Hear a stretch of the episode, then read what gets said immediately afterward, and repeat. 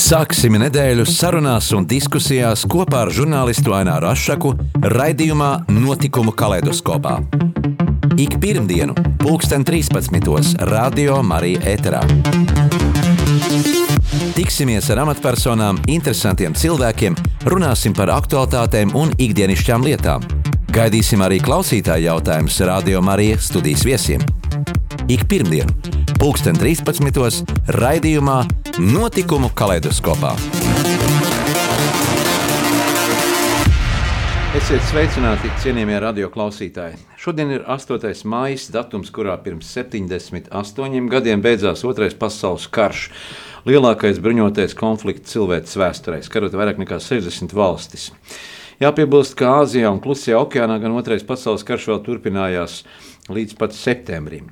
Bet pie mums Latvijā kara beigas nereti tikušas saistītas kā Krievijas armijas izvēršana 1994. gadā un arī Skrundas lokatora mm, iznīcināšana. Kara iestāšanās NATO un Eiropas Savienībā, kad Latvija iekļāvās rietuma pasaulē. Un saistībā ar Otro pasaules karu esmu studijā aicinājis Latvijas kara muzeja direktoru vietnieku pētnieciskajā darbā, vēstures zinātņu doktoru vēsturnieku Juriju Cigano. Labdien! Labdien. Nu, tad runāsim par šo um, otro pasaules karu. Tad, tad, uh, kā tas viss uh, sākās, izraisījās, un, un, un arī nonāksim līdz tam, ka 8. maijā tas noslēdzās. Nu, jā, jā, kā jūs pareizi teicāt, tad 8. maijā karš noslēdzās Eiropā, bet um, pasaulē otrais karš turpināja, otrais pasaules karš turpinājās līdz pat 2. septembrim, līdz Japānas kapitulācijai. Un, Tās kara vētras bija gana, gana ilgas. Visiem ir zināms tas, ka karš, otrais pasaules karš sākās 1939. gada 1. septembrī ar Vācijas uzbrukumu Polijai.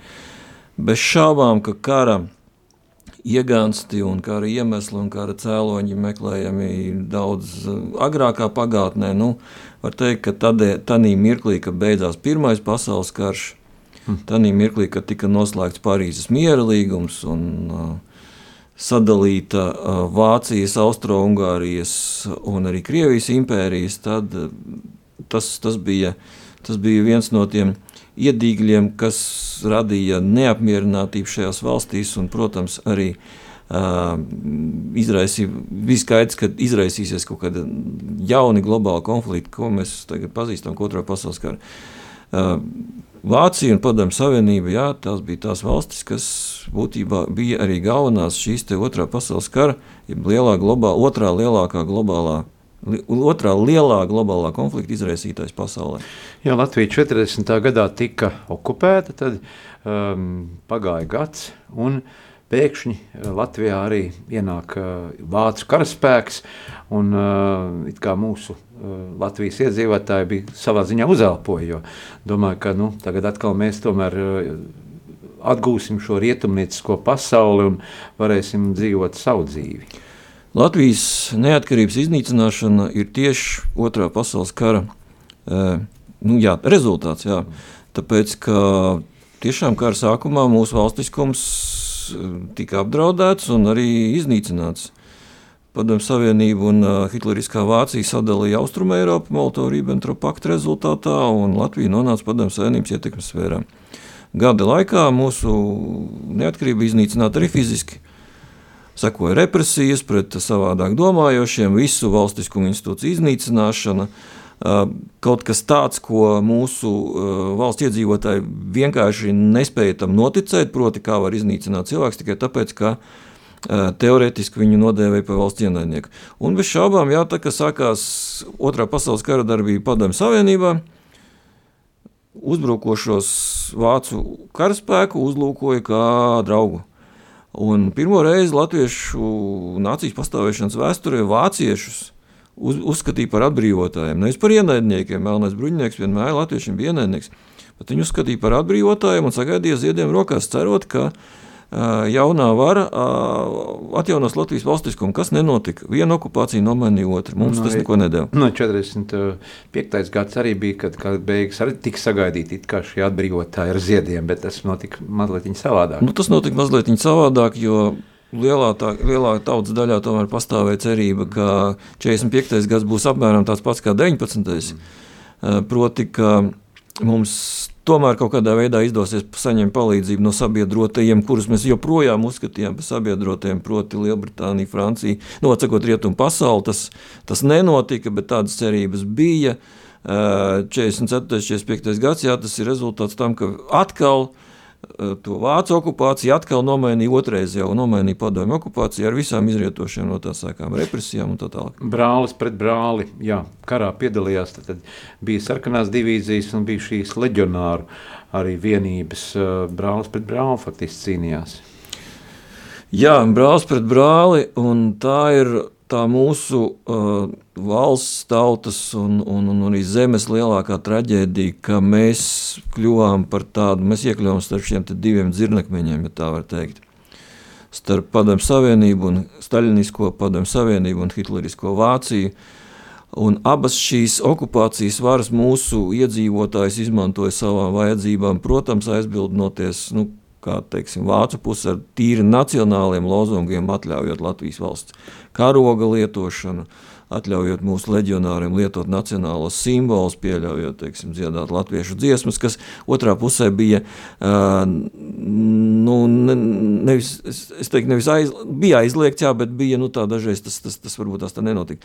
Bet uh, apmēram, vien, mēs vispār vienmēr uzsveram to leģionāru pusi, bet padomju savienības pusē arī karoja apmēram tikpat daudz cilvēku, cik, cik vācu pusē.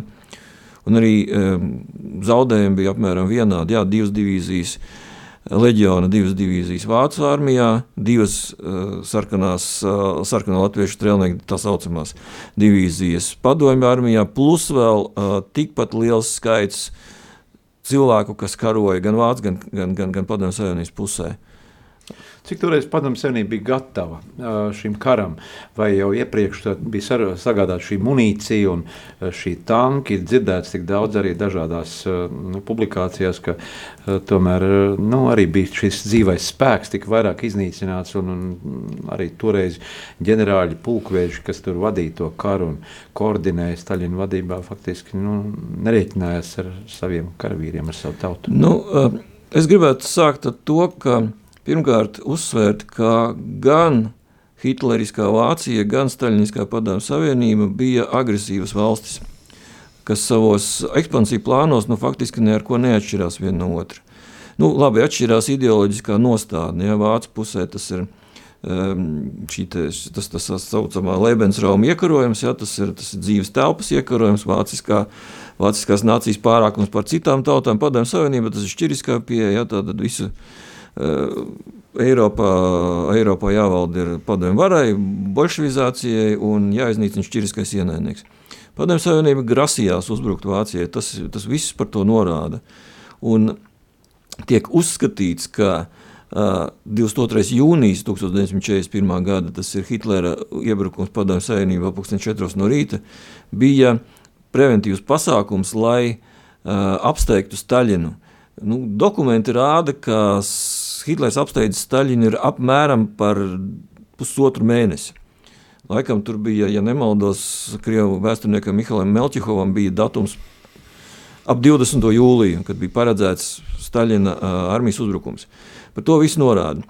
Ja redziet, uh, mēs visi zinām, ka pie robežām, pie tās robežas, kas atdalīja Vāciju no Padomju Savienības, Padomju Savienība bija koncentrējusi ievērojamus spēkus, uh, ievērojams lidmašīnu spēkus, ievērojams tanku spēkus un ievērojams tri, uh, armijas grupējums, kas, kas, kas liecināja par to, ka tie ir triecienu grupējumi. Uh, lidmašīnām nebija benzīna, uh, tankiem arī nebija munīcijas un benzīna, respektīvi viņi nepaspēja vēl viņus pievest. Tas viss ļāva Hitleram, Wehrmachtam, pirmajās kara dienās sabumbot šos aerodromus, kas atradās 15-20 km attālumā no robežas, no aizsardzības līnijas, tā neveido. Un tieši tāpēc pirmajā pusgadā Padomju Savienības armija piedzīvoja krahu. Padomju Savienības armija bija sakauta.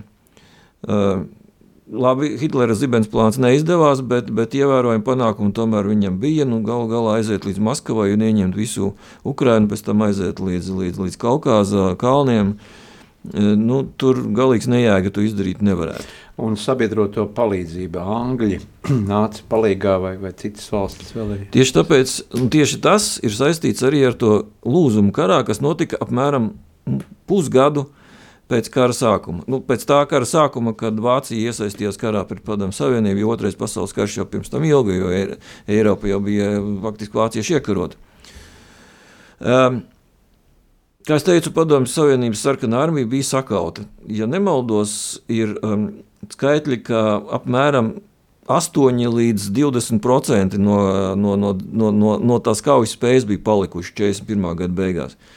Masīva rietumu sabiedroto palīdzība un uh, vairāk vai mazāk neizsmeļami lielās padomju zemes dabas resursi un dzīvā spēka resursi, jo tie netika taupīti. Ja uz tankiem vēl kaut kā tur ekonomēja, uz benzīnu, ja tas bija dārgs, bet uz dzīvo spēku ne Krievijas impērija, ne, ne, ne Padomju Savienība, ne tagadējā Krievijas federācija ar dzīvā spēka zaudējumiem nerēķinās. Ukrainā to var redzēt. Mierīgi. Jā, zināms, paralēls arī ar šo laiku tieši tāpat aizsardzības pozīcijas it kā uh, sākumā norādīja, ka aizsardzības pozīcijas, bet, bet tas viss tiešākais uzbrukums bija Ukrainai. Tieši tā, tieši tā, jā.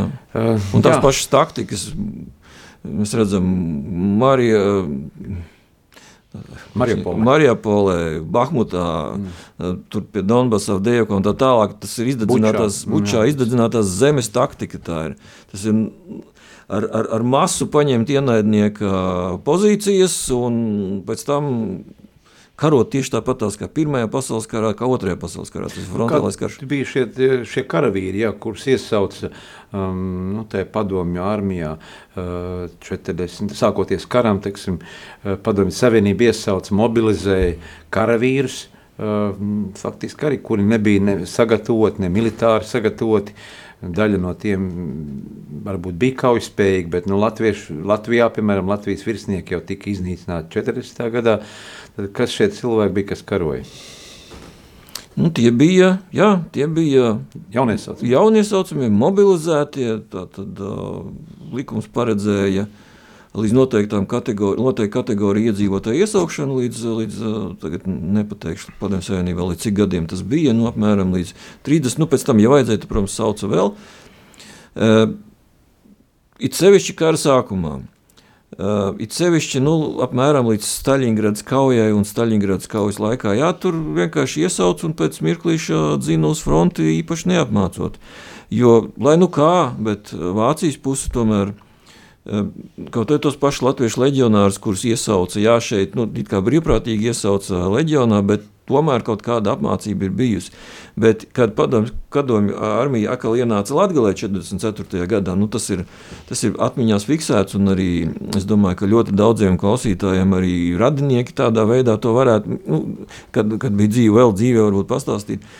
Ka, uh, cilvēks vienkārši paņēma un pēc trim dienām tu jau esi nokļuvis frontē. Un, un Sevišķi tas tāds apmācības nebija. Nu, iemācīja tur ielādēt šauteni, varbūt pašaut pāris reizes iedeva, un tas arī viss. Nu, līdz pat 90. gadam, 90. gadam vēsture pavisam bija savādāk. Tā faktiski vēstures skolotāja vai vēstures apmācība arī, nu, tā izglītība, ko deva, bija pilnīgi sagrozīta.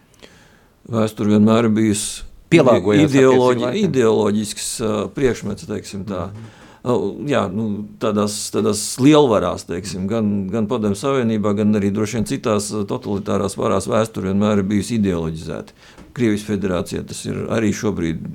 Arī tās pašas paralēlas ar Staļina laiku var vilkt. Kur slēpjas šis fenomens, ka uh, nu, teiksim, viņi spēja to propagandu tā izplatīt. Un, jo tajā laikā taču nebija ne tās digitalizācijas iespējas, nebija ne, ne tehnika tāda, ne elektroniskie sakari. Bet nu, šodien cilvēki tikpat apmāti varētu teikt, kā tajā laikā, ja, kad bija šie plakāti, kas uzsauca. Mm, nu, tajā uh, laikā bez šaubām, jā, tas ir skola. Uh, ikdienas dzīve, kas visa saistīta ar, ar šo komunistisko ideoloģiju mūsdienās, uh, banāli atbild televizors. Tas pats uh, ierobežot interneta resursi. Ja tev no rīta līdz vakaram televizors un rādio. Tas ir šobrīd, bet šobrīd. toreiz. At, nu, toreiz es saku, tā sākās no, no bērna autiņiem šī ideoloģiskais spiediens. Mēs atrodamies ienaidnieku ielenkumā, biedrs Staļins mūsu visus, komunistiskā partija mūs visus sargā, jāizstāv padomju valsts pret, pret amerikāņiem, vāciešiem, nu, kas tur katru reizi tur bija. Un, un, nu, un, un, un tas, ka ierobežoti, ierobežots iespējas kaut, kur, kaut ko citu redzēt, nu, uz ārzemēm netika. Uz ārzemēm netika. Ārzemju avīzes nesaņēma. Nu, Nu šobrīd tomēr ir iespējams salīdzināt, lai vai kā jā, tomēr jā, jā, jā. Nu, tieši šodien tās tehniskās iespējas, protams, ir neno, nenovērtējams, bet arī līdz ar to jūs redzat, kas notiek aiz mūsu austrumu robežām. Nu, ja tev, ja tev televizorā, ja tu pārsvarā skaties tur vienu kanālu, kur rāda vairāk vai mazāk ideoloģizētus seriālus un ziņas ik pa pusstundai, kurā stāsta par to, kādi draņķi tie ukraiņi ir un visi pārējie amerikāņi, poļi un tā tālāk. Tu sāc tam ticēt. Jā neliela muzikāla pauzīte. Atgādinu mūsu klausītājiem, ka jūs arī, arī var, variet piezvanīt mums vai, vai sūtīt savu jautājumu. Varbūt kādam ir kāds ir īsts arī atmiņas stāsts par šo dienu, par šo datumu atceraties, varbūt no vecvecākiem vai vecākiem stāstīto. Tad, tad tālruņa numurs nosaukšu studijā ir mums 67 969, 131, atkārtoju tālruņa numuru 67, 969, 131, vai rakstiet ar jautājumu SMS veidā, izziņā 266, 77, 272, 266, 77, 272, vai e-pastā studija at rml.clv. Atgādinu, ka mēs šodien studijā sarunājamies Latvijas kara muzeja direktoru vietnieku pētnieciskajā darbā, vēstures zinātņu doktoru Juri Ciganovu. Mūsu saruna par Otro pasaules karu.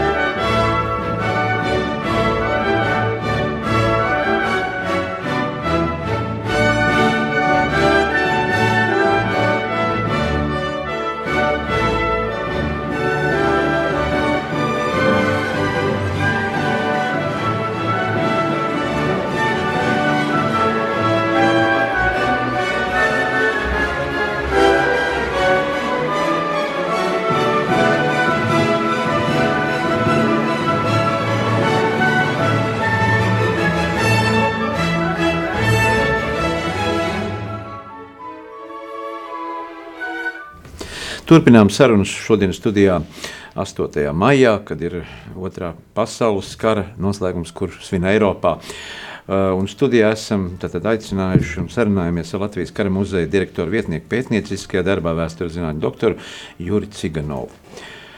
Tātad otrais pasaules karš kā jau minēju, mm, nu, turpinājās vēl vairākus mēnešus, un pat arī pat gadus. Eh, šie notikumi atsaucās eh, dažādās situācijās, piemēram, eh, Vācijas Vācijas teritorija tika sadalīta uh, divās daļās. Bija Vācijas Federatīvā republika, Vācijas Demokrātiskā republika un 61. gads, laikam nemaldos, šis Berlīnas mūris tika uzbūvēts. Tad uh, Čehijas notikumi mm, bija uh, 80. 68. gads un pirms tam 56. laikam bija Ungārija. Mm. Tad, tad visi šie notikumi jau, jau, jau, jau bija tās um, kara darbības uh, sekas un turpinājums. Uh, Tātad, kā izdevās teiksim, Padomju Savienībai sašķelt šo Vāciju, faktiski piekļūt līdz pašām Rietumvācijas robežām, līdz NATO robežām? Čerčils 46. gadā uzstājoties Runfultonā teica, pirms Eiropas nolaidies dzelzs priekškars no Ziemeļjūras līdz Vidusjūrai. Nu, šis dzelzs priekškars arī sašķēla šo Eiropu Vāciju. Vācija tur it kā viss bija ļoti vienkārši, bet tajā pašā laikā nebija tik vienkārši. Gan Berlīne, gan Vācija bija sadalīta četrās okupācijas zonās, un Vācijas Demokrātiskā republika izveidojās kā reizes padomju okupācijas zonā. Un paradoks bija tā, ka padomju okupācijas zonai pa vidu atradās Berlīnas pilsēta, kas arī, kā es teicu, bija sadalīta četrās okupācijas zonās. Tas, tas, ko mēs pazīst, pazinām ar terminu Rietumu Berlīna, tas bija kā reize sabiedroto okupācijas teritorija Berlīnē. Respektīvi, arī paša Berlīna bija uz pusēm sadalīta. Nu, tā tad vienā vācu pusē tika iedibināts sociālisms. Nu, nevar teikt, ka cilvēcisku seju nekādu tur cilvēcisku seju nebija, jo vācu komunisti grib, gribēja būt um, lielāki komunisti nekā, nekā viņu skolotāji no Maskavas, bet uh, citā Vācijas teritorijā, tātad Vācijas Federatīvā republika, kas beigās arī izgāja kā uzvarētāji no šī vēsturiskā. Jā, tomēr šī austrumvācija, nu, tas dzīves līmenis tomēr bija, bija daudz, daudz augstāks. Eh, nesalīdzinām augstāk, par to nevarēja salīdzināt, kā tas bija Padomju Savienībā.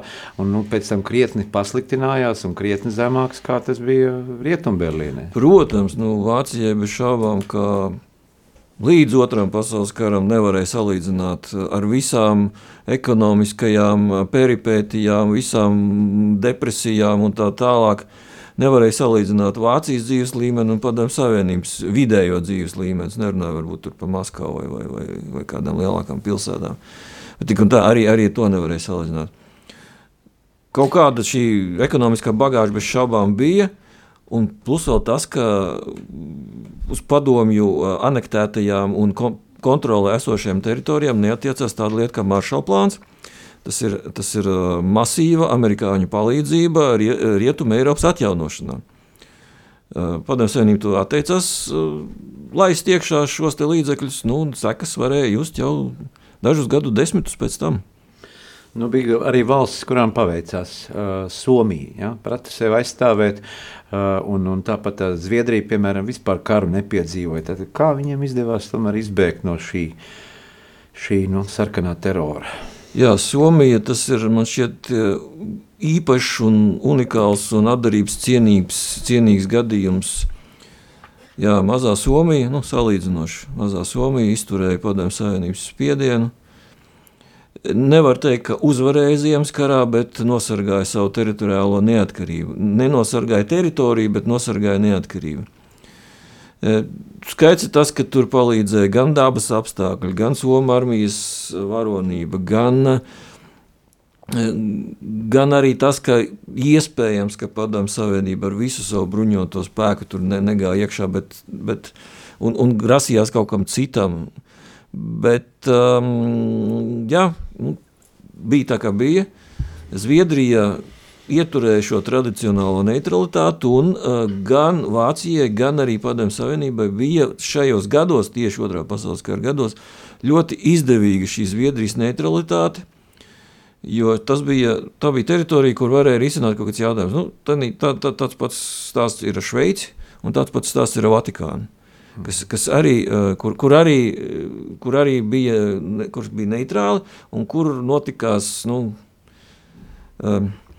tāda, tāda mierīga konfrontācija starp karojošām pusēm. Nu, Šveicē tur vairāk ir tas, ka bez šaubām arī ļoti sarežģīti tehniski iekarot šo valsti dēļ kalnainā reliefa.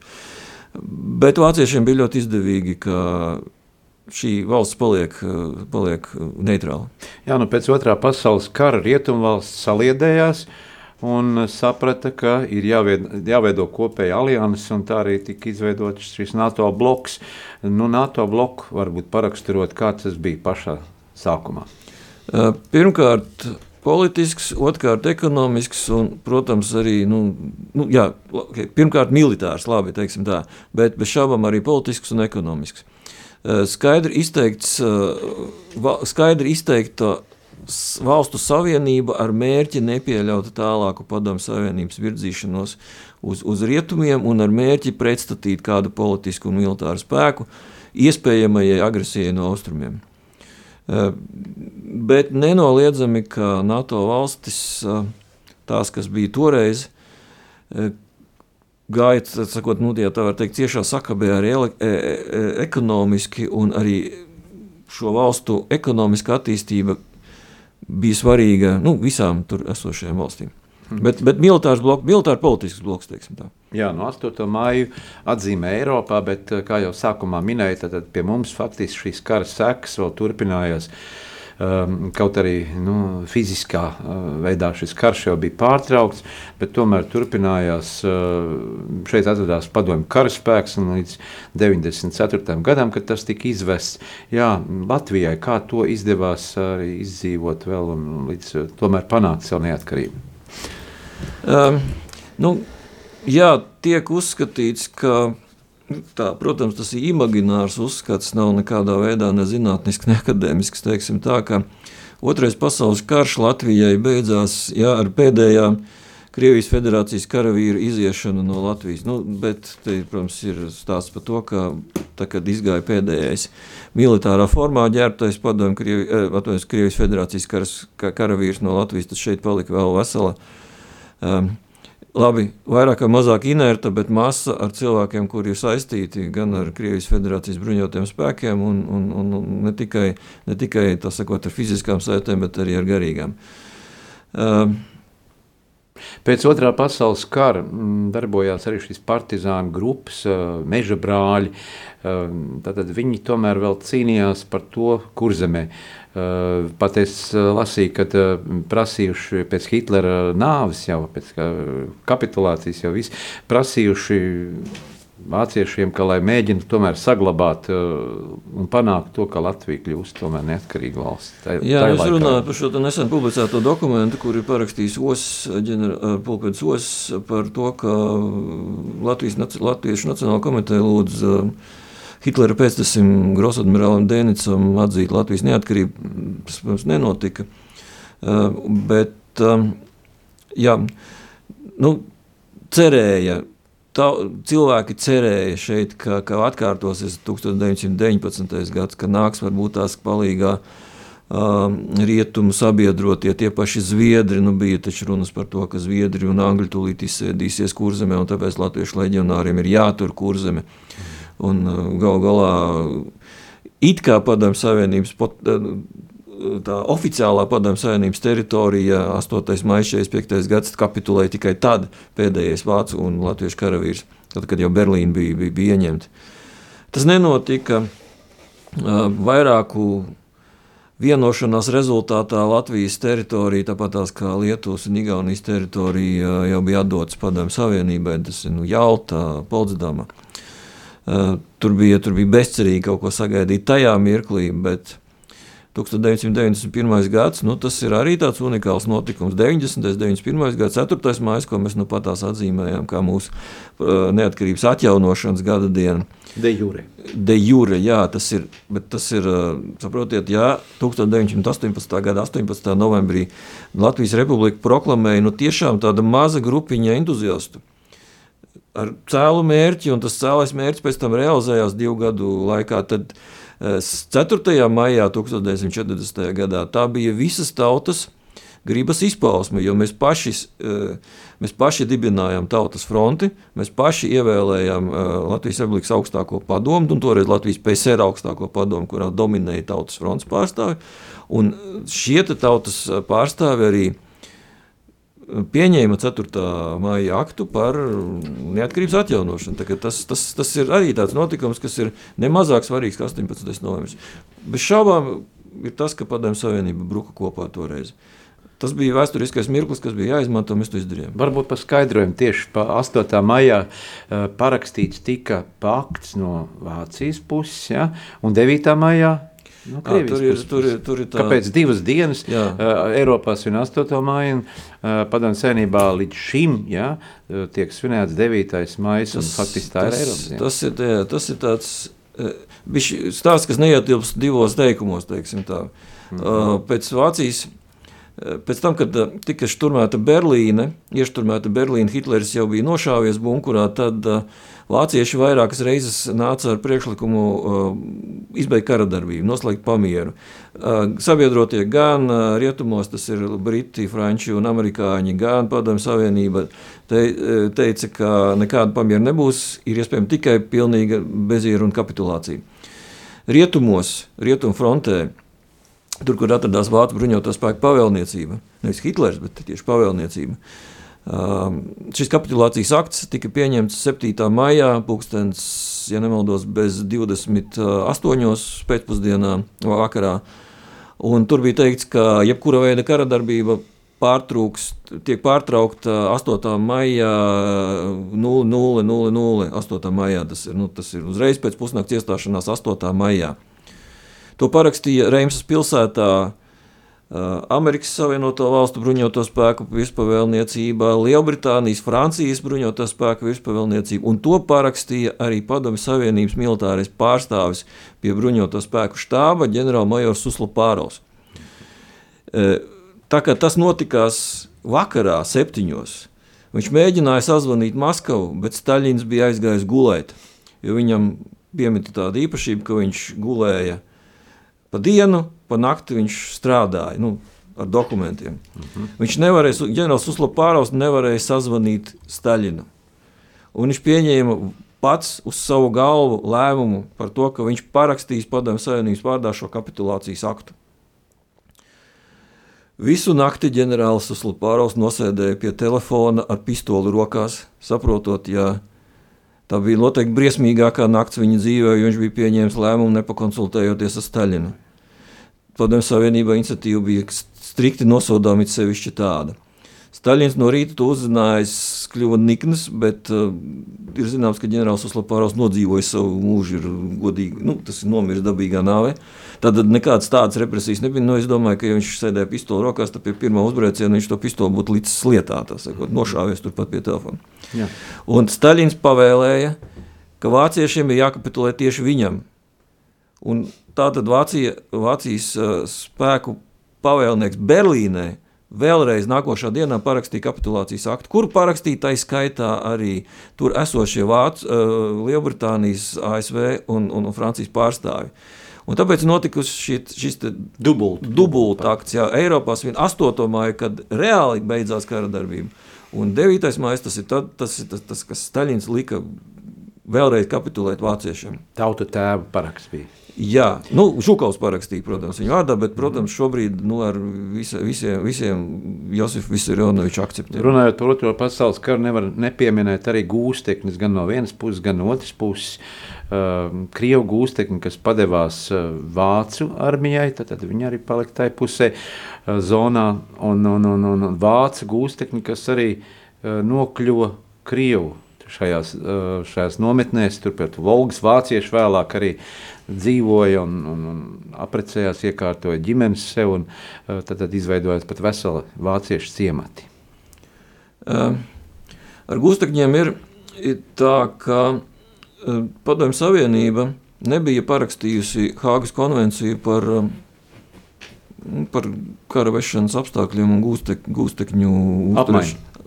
Tā skaitā, nu, tā ir konvencija par kara gūstekņiem. Nu, konvencija par kara gūstekņiem. Es neatceros precīzi mm -hmm. viņas no, oficiālu nosaukumu. Un līdz ar to Vācija uzskatīja, ka tai uh, nav pienākums pret Padomju Savienības kara gūstekņiem izturēties tā kā pret citiem. Un ir fakts tas, ka kara gūstekņu nometnes, tas, kas atrodas rietumu frontē, nu, Vācijas pusē, protams, ka tās tur apstākļi krietni atšķirās no tā, kā bija nonākuši Padomju Savienības kara gūstekņi. Nenoliedzami, plus vēl par gūstekņiem runājot, ir tas, ka 1941. gada vasara, rudens un arī ziema uz 42. gadu brīvprātīgi Vācu armijas pusē pāriet karot un karo apmēram 3 miljoni bijušo sarkanarmiešu. Tas ir, tas ir neiedomājams cipars līdz tam. Ne pirmā karā, ne iepriekšējos kaut kādos karos, kas ir, protams, Krievijas impērijā. 3 miljoni. 3 miljoni.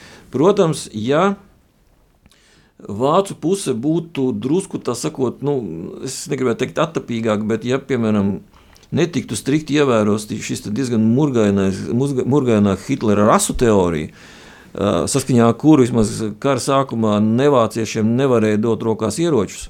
Arī ebreju iznīcināšana tā skaitā. Arī tā skaitā, jā. Šīs diezgan tādas, tādas dīvainās represijas, kas bija balstītas uz rasu pārākumu un nacionālas apziņas pārākumu principā, Kara iznākums varētu būt cits, jo 3 miljoni nebija, es domāju, tas, tas, tas, tas, tā latiņa. Tur varētu būt arī stipri vairāk, jo gūstā nonāca kaut kur pie 5 miljoniem. Arī neiedomājams cipars. Un, uh, es domāju, ka ja Vācu valdības vadība un arī Vācijas armijas virspavēlniecība būtu kaut kā saprātīgāk izlietojuši šo resursu, Tā skaitā arī ar jau okupēto un neatkarīgo, neatkarīgo pirms tam neatkarīgo valstu atjaunošanu. Nu, būtu, būtu drusku savādāks tas iznākums. Nu, tas, protams, ir spekulācijas. Nu, tas, jā, ja mēs runājam par tieši par to, ja sabiedroto spēki, piemēram, būtu pār, pārcēlušies uz Vācijas pusi un nebūtu palīdzējuši Staļinam, ja, bet uh, Hitleram, kas tad notiktu? Tā, nu, tāda prognozes, kas, kas, kas būtu pasaulē? Uh, nu, vēsture ir tāda lieta, kur eksperimenti nav iespējami. Mēs, nevaram, mēs varam tikai iedomāties, mēs nevaram prognozēt. prognozēt nu, tieši varam prognozēt, bet nevaram iedomāties, kā tas prognozes varētu izpausties. Jā, ir, protams, diezgan populārs tāds alternatīvās vēstures teorijas par to, ka, ka tā varētu būt, ja visa pasaule būtu piekritusi palīdzēt tieši Hitleram, nevis, nevis Staļinam, kas tad būtu noticis. Ja Hitlers būtu atteicies iekarot Lielbrit Lielbritāniju, piemēram, ja mēs jau nezinām, ko, ko darīja Rudolfs Hess lido, lidojot uz Lielbritāniju. Mēs nezinām, ko viņš tur runāja ar to pašu Čerčilu, ja, kāds bija piedāvājums ja Hitlers būtu apstājies pie, pie Francijas robežas, kas, kas būtu noticis? Ja viņš atteiktos no savas rasu teorijas, ja viņš atteiktos no, no ebreju iznīcināšanas, ja viņš to nebūtu izdarījis. Nu, Kā... Nu, tomēr Vācija saviem nu, cietušajiem izsniedz kompensācijas, pat arī tiem, kas ir leģionā dienējuši bija. Un, viņi, viņi tomēr šo, šo atbalstu dabūja, kas arī koncentrācijas nometnēs bija. Jā, bijuši. jā nu, šī uh, Vēsturiskā taisnīguma apziņa pēc otrā pasaules kara beigām Vācijas Federatīvajā republikā un arī mūsdienu Vācijā bija šauba ļoti. Vācija kā zaudētāja valsts ir spēja atjaunoties. Jā. Pateicoties, protams, pateicoties tiem pašam rietumu valstu palīdzībai, pateicoties Amerikas Savienotām valstīm, pateicoties maršala plānam, bet, nu, protams, atsakoties no savām militārismu tieksmēm, kas, kas bez šaubām bija novērojams starpkara periodā jā, visus gadus līdz pat, nu, varētu teikt, pagājušajam gadam, um, nu, mēs zinājām terminu fašisms, jā, bet nu, šajā brīdī pēc Ukrainas notikumiem ir šis rašisms, kad faktiski arī tas pats, tas pats ļaunums un šī ļaunuma impērija, lielvalsts politika ir, ir iznīcinājusi savus faktiski brāļus. Jā, nu, jā, sākotnēji, protams, fašisms tas ir politisks termins, ko ievies Musolīni. Tā bija vienas, vienas Musolīni partijas apzīmējums - fašisti. Protams, pēc tam tas viņa vispārināts uz, uz, uz, uz iekarotājiem kā tādiem. Nu, un um, Krievijas federācijas politika šodien faktiski neatšķirās no, ne, no tā, ko veica Staļiniskā padomju savienība toreiz. Uh, Un arī es domāju, ka var likt līdzvērtības zīmi ar, ar Vāciju, ar, ar, ar visiem 20. gadsimta totalitārajiem režīmiem Eiropā. Tas ir iekarošana, ekspansija un savādāko domājošo iznīcināšana. Gan iekšēji, gan savā valsts iekšēnē, gan arī ārpusē. Jā, mūsu raidījuma laiks tuvojas noslēgumam. Um, ko gribētu novēlēt nu, mūsu radio klausītājiem šajā 8. maijā, faktiski, kad pirms tik daudz gadiem noslēdzās nu, Otrais pasaules karš, kura, uh, kura noslēguma atzīmē Eiropa, tad, kad turpinājās vēl ilgi, kā runājām, uh, ko gribētu novēlēt. Nu, protams, nedod Dievs, ka tas kaut kas tāds atkārtotos. Uh, bet novēlēt, var novērtēt šīs dienas situāciju, kas kardināli mūsu valsts gadījumā atšķirās no 40, no 39, no 40 gada. Mēs esam tajā pašā NATO, mums ir šis NATO vairogs, kur, kuram, kuram, pret kur daudz varbūt tās izturās skeptiski, bet mēs dzīvojam zem mierīgām debesīm, mierīgā valstī. Un viss tas, visi tie satricinājumi, kas ir mums, nu, tas būtībā ir nekas. Tas, ja mēs salīdzinām, kas notiek kaut vai netālu, vienas mašīnas braucienā, vienas diennakts braucienā ar mašīnu no šejienes Ukrajinā. Mm. Jā, bet nu, vēl pirms, pirms mēs atvadāmies, vēl tiešām jautājums, kāpēc ir tas skeptisms par, par NATO, un ja mēs esam okupantu armiju izvadījuši ārā Krievu armiju, tad šobrīd kāpēc tomēr valda tāds arī uzskats daudzā sabiedrības, lielā sabiedrības daļā, ka nu, pie mums ir NATO bāzes. Uh, nu, tur tas jautājums droši vien ir komplekss, un par to varētu runāt arī vēl vienu raidījumu. Tur droši vien politologiem ir ko teikt. Viss, droši vien, ka viss kopā vairāk vai mazāk neticība, kaimiņu valsts propaganda, mūsu valdības neizdarības kaut kādas, tā kā droši vien tur, tur ir viss kopā. Bet nu, mēs varam darīt visu, lai šī skepse un neticība būtu mazāka. Jā, nu tad atliek novēlēt, lai mums būtu vienmēr mm, brīvs, saulainas debesis, kā tas ir šobrīd pie mums, un lai arī kaimiņu valstīs nebūtu šīs agresijas. Un, uh, lai pierimtos, lai cilvēkiem būtu mierīgāka dzīve un atkal varētu dzīvot mierīgā, normālā sabiedrībā ar rietumniecisko vērtībām, ar, ar, ar bez totalitārām iezīmēm. Un paldies tātad, teiksim, Latvijas kara muzeja direktora vietniekam, pētnieciskajā darbā vēstures zinātņu doktoram Jurim Ciganovam, ka šo, šodien paviesojās mūsu studijā, lai mēs kopīgā sarunā atskatītos uz 8. maiju, kuru pas Eiropā atzīmē kā otrā pasaules noslēguma dienu. Paldies! Paldies! Vislabāk! Sāksim nedēļu sarunās un diskusijās kopā ar žurnālistu Aināru Rošu raidījumā Notikumu kaleidoskopā ik pirmdienu, pulksten 13. Radio Marija Eterā. Tiksimies ar amatpersonām, interesantiem cilvēkiem, runāsim par aktuālitātēm un ikdienišķām lietām. Gaidīsim arī klausītāju jautājumus Radio Marija studijas viesiem. Ik pirmdienu, pulksten 13. raidījumā Notikumu kaleidoskopā.